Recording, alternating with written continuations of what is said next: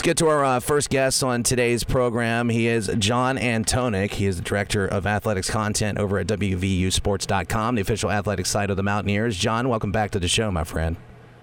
Hey, thanks for having me. Well, I'm excited to talk to you because we're going to get to basketball here shortly, and everybody's excited here in the state of West Virginia for the men's basketball squad to be back. Obviously, we haven't had basketball since March, early March, and we didn't even really get into conference tournament stuff. So we'll get to that here shortly, but I want to talk football first.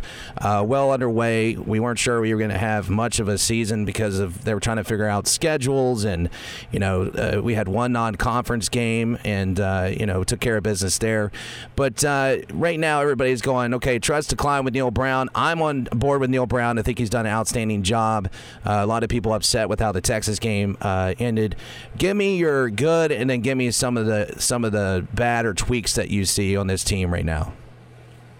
Well, I think I agree with what Neal said Tuesday. This is an improved football team. If you look at where they were last year, uh, particularly um, offensive line wise, uh, running game wise, West Virginia really struggled, and I know they had to do a lot of things just to move football, um, a lot of window dressing, things like that. Um, this year, uh, obviously, that they're running the ball better. Uh, struggled a little bit against Texas, and then defensively, uh, uh, much, much, uh, much, much improved over the last two years. Really, uh, last year made big strides, and then of course this year, defensively has ranked among the top 10 in the country in almost all of the, the major uh, categories. So uh, in the Big 12, that, that, that says a lot. So I do think there are a lot of things that, um, that, that are uh, trending upward. I like the fact that they've got um, some really good young offensive linemen um, playing a true freshman. I mean, whoever who would think that uh, at West Virginia you, you were able to play a true freshman at offensive line, and at left tackle you got a redshirt freshman. And a lot of the running plays that they do go to that side of the field to the two young guys. So that's that's some things that I think you can really uh, hang your hat on right now. Yeah, and and I agree with you, Neal Brown. And I, I've been saying this on the radio show. I go, I okay, record isn't great. It's understandable. It's only the second year. We've had a very strange year across the board with the pandemic. Um, and I always say, thank God it's not his first year. But you know, what the expectations are where they are. And what he said is, we've been in every single game, but we just haven't made the plays we need to, to make to make sure we get a win and they're almost there, but they just they just need that player to. And you look at the scores; they've been in every single contest this year. I mean, they have played extremely well this year, despite uh, some of the setbacks. You look at last year; seventy-five percent of the production on offense was gone. He almost got them to a bowl game last year. I mean, if you look at what this staff has been able to do, Vic Koenning isn't isn't there, um, but you have two guys working together, co-defensive coordinators, and this uh, this defense has played outstanding nationally, statistically. The things he's been able to do and put his staff together and get these guys on on, on the same page, I think is remarkable. Yeah, I'll tell you something too. Let me throw something in here. You know, other than the Oklahoma game and the Missouri game last year, and I, I and, uh, Texas Tech too he's been in every game, even with the team that he inherited last year. And I will say this, as somebody who has spent a lot of time researching WVU sports, written a bunch of books, uh, the team that Neal Brown inher- inherited last year, in my opinion, uh, was one of the um, was the least one of the least talented teams that any coach ever has uh, inherited here. Um, you go back and you think to what Frank Cignetti uh, set up Don Nehlen with in 1980 uh, with Darryl Talley and Fulton Walker and, and uh, Walter Easley and, and on and on and on, Oliver Luck and the players that he had, Robert Alexander, a lot of guys, by the way, from the Charleston area back then.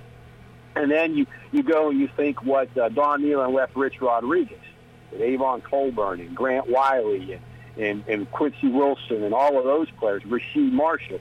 And then you think of what Rich, uh, Rich uh, left Bill Stewart, and then what Bill Stewart left Dana Holgorsen, a team that he was able to use, players that he was able to use to win it, win the uh, the Orange Bowl with, with with all of those guys and put all those points against Clemson. I think you have to go uh, way way back into history to find a roster that was as depleted as the one that Neal Brown has taken over, and it's not a quick one year fix, particularly with uh, some of the areas that were, were depleted, uh, especially along the offensive line. Yeah, that's a great point. Um, I've never actually thought about that as far as inheriting the talent because that's really as as a new coach you have your challenges you know you got to find the blueprint of the recruiting uh, you got to you know the traditions and, and getting to know a program and getting a staff together and there's a lot of other challenges that come in getting to know your players.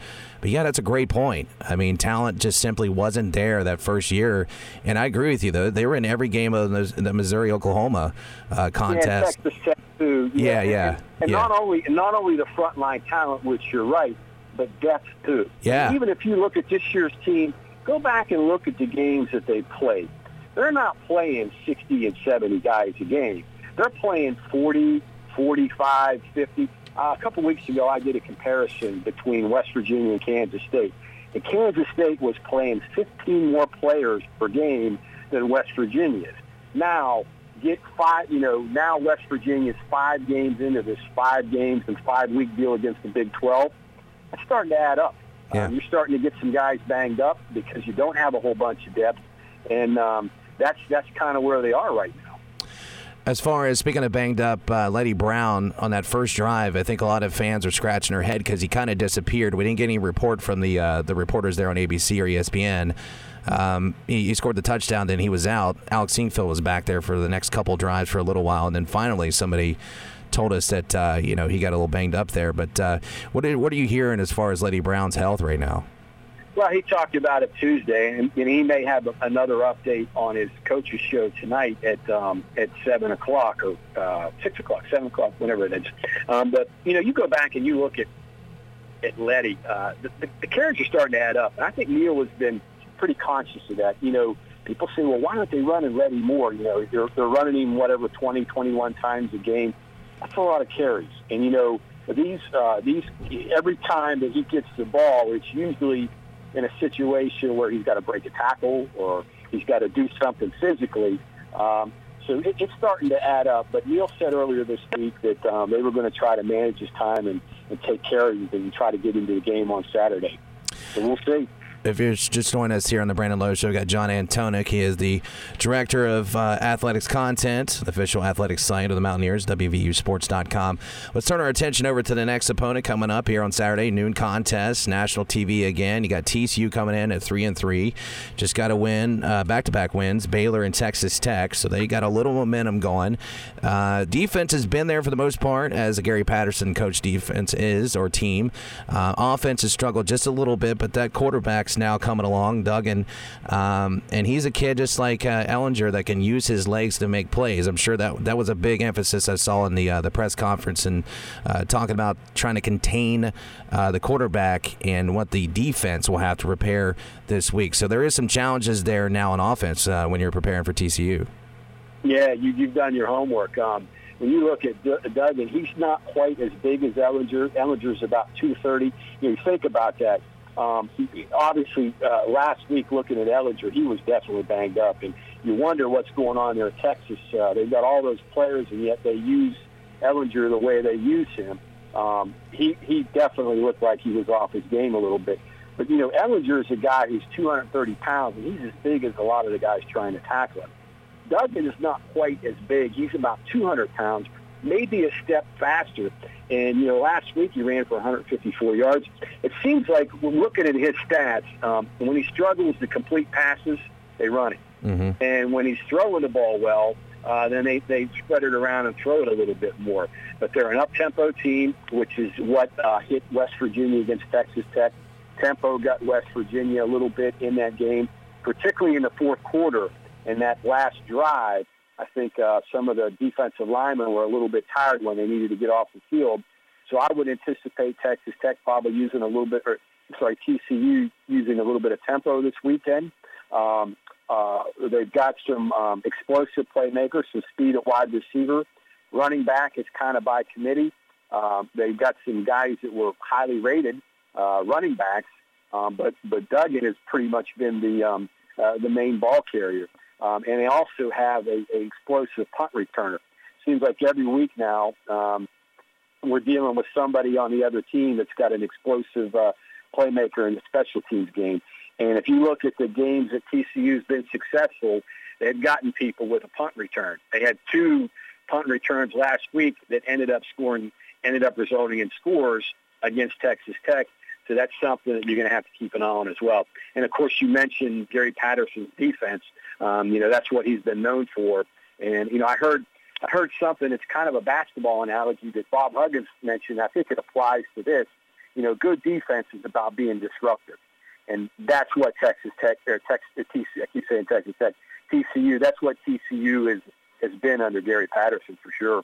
Yeah, and then you look at the big thing I think this weekend too. Third down conversions They're allowing opponents just thirty-eight point nine percent success rate. Speaking of that Horned Frogs defense, so that's uh, that's going to be a big, big. Uh, and you mentioned special teams. I mean, expl- uh, you you said it, explosive. Uh, so you got to be disciplined on special teams for West Virginia on both sides, um, and then you you look at defense, man. That third down is going to be huge. Hopefully, not putting yourself in long third down situations against that defense.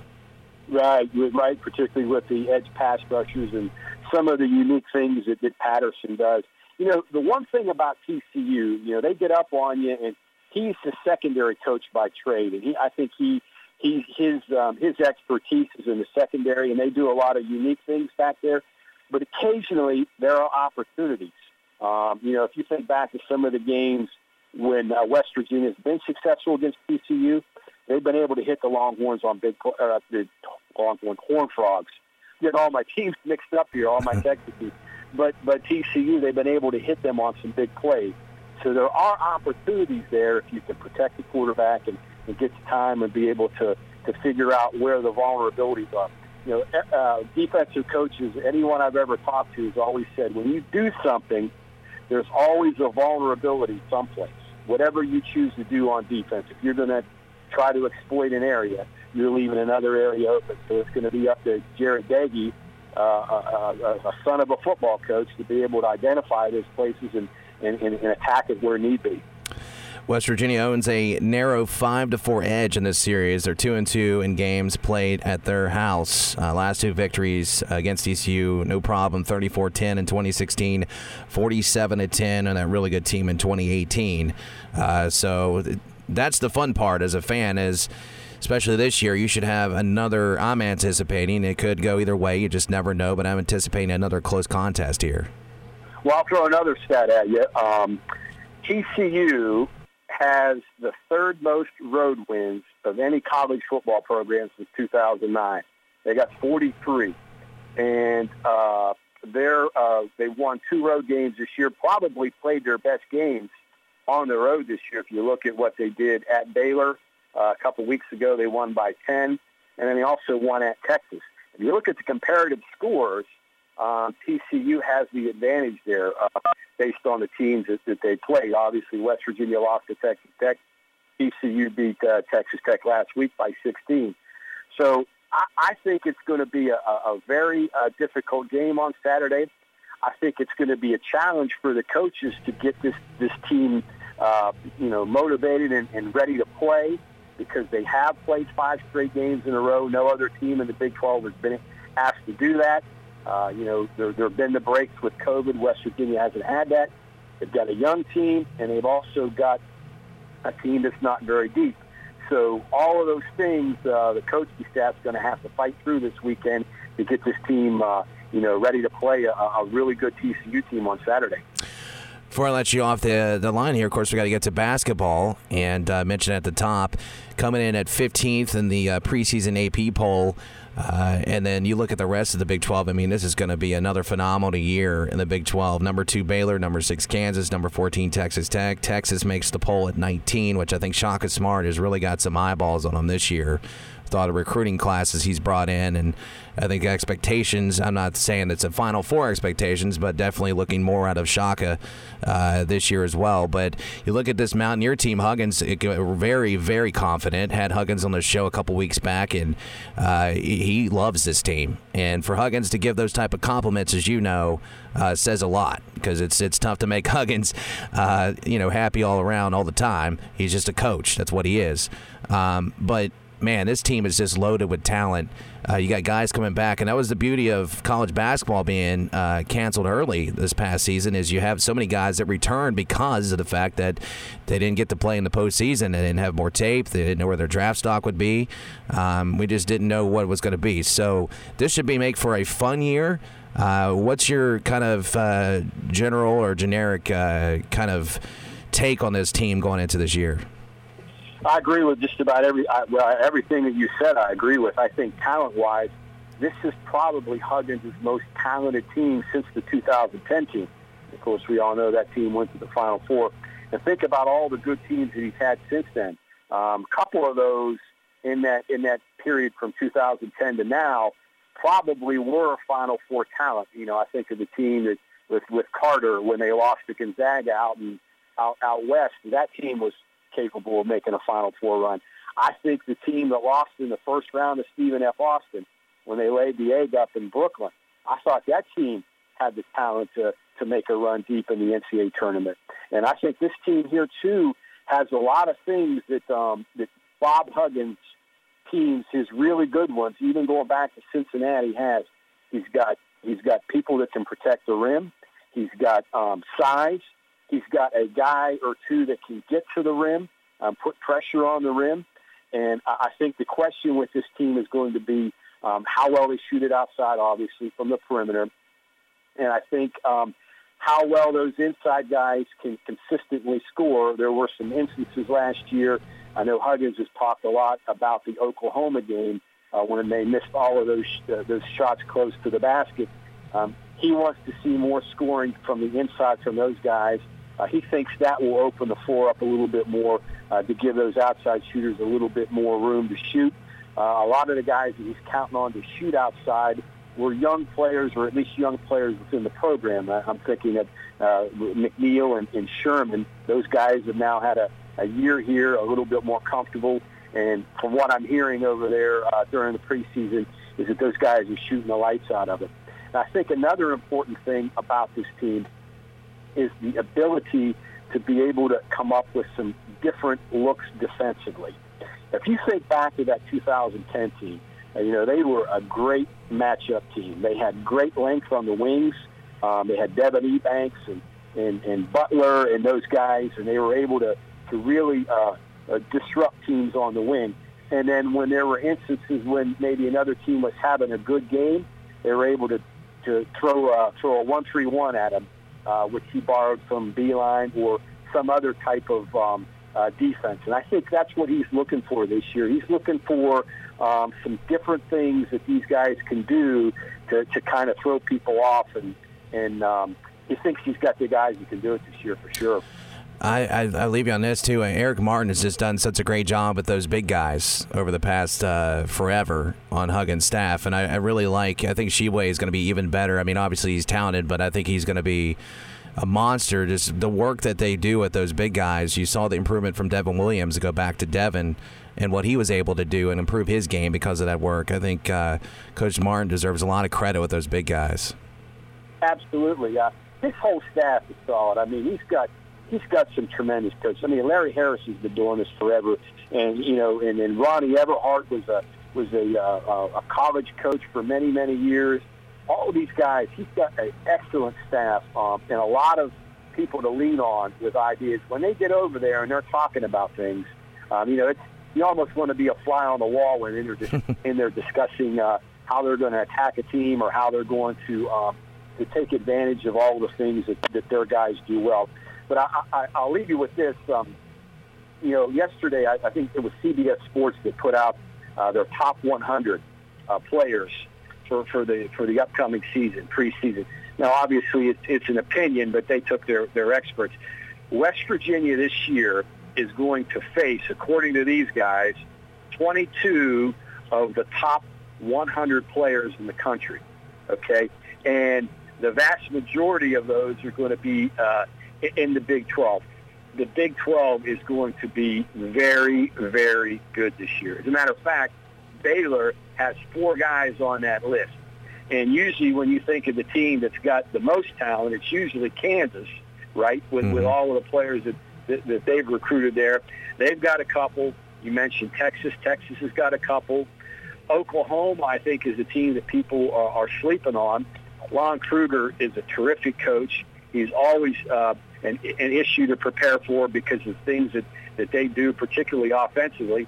And then you got Texas Tech down there, uh, who's had a, a great run. Uh, they're getting players. They they they do they do a great job of recruiting in Dallas. And then Oklahoma State probably has the best player in the country, in in, in that freshman that they recruited, Cade Cunningham. Yep.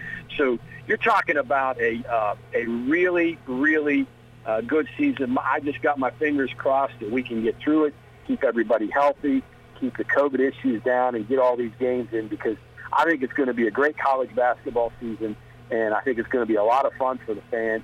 I just hope we can get through it and, and get to March and, and have a March Madness or, or maybe an April Madness if we have to go that long. And I'm with you. Appreciate your time. He's John Antonik, Director of Athletics Content over at WVUSports.com. Love reading your stuff and uh, love hearing your insight on Mountaineer sports. Uh, we'll talk to you soon, John. Appreciate it. Thanks for having me on, Brandon.